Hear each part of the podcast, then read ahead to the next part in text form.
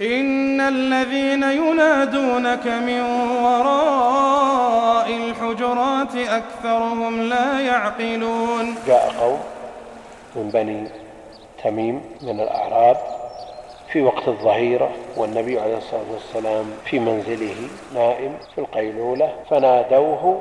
نزل قوله جل وعلا إن الذين ينادونك من وراء الحجرات. النداء من مقتضاه رفع الصوت والحجرة أصلها من التحجير وهي القطعة المعروفة ذات الحدود من الأرض التي يبنى عليها ما يحجر يعني يمنع من الدخول إليها والخروج منها إلا مع بابها. حجرات نسائه صلى الله عليه وسلم جمع حجرة وهي ما يحجر عليه من الأرض بحائط ونحوه وكان كل واحد منهم نادى خلف حجرة لأنهم لم يعلموه في أي حجرة مناداة الأعراب بغلظة وجفاء. يقولون يا محمد والغلظة موجودة إلى الآن عند كثير من الناس تجده ينادي الشيخ الجليل الكبير يا فلان لكن على كل إنسان ما يناسبه من خطاب الشرع.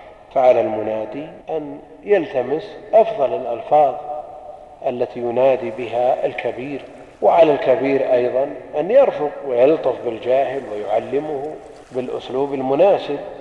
لا يقابله بمثل أسلوبه لأن بعض الناس ما يتحمل مثل هذه الألفاظ. فإذا نودي يا محمد ما رد؟ هذا اسمه محمد. كل إنسان له ما يناسبه من خطاب الشرع فهذا المنادي عليه أن يبحث عن الألفاظ المناسبة اللائقة بهذا الكبير.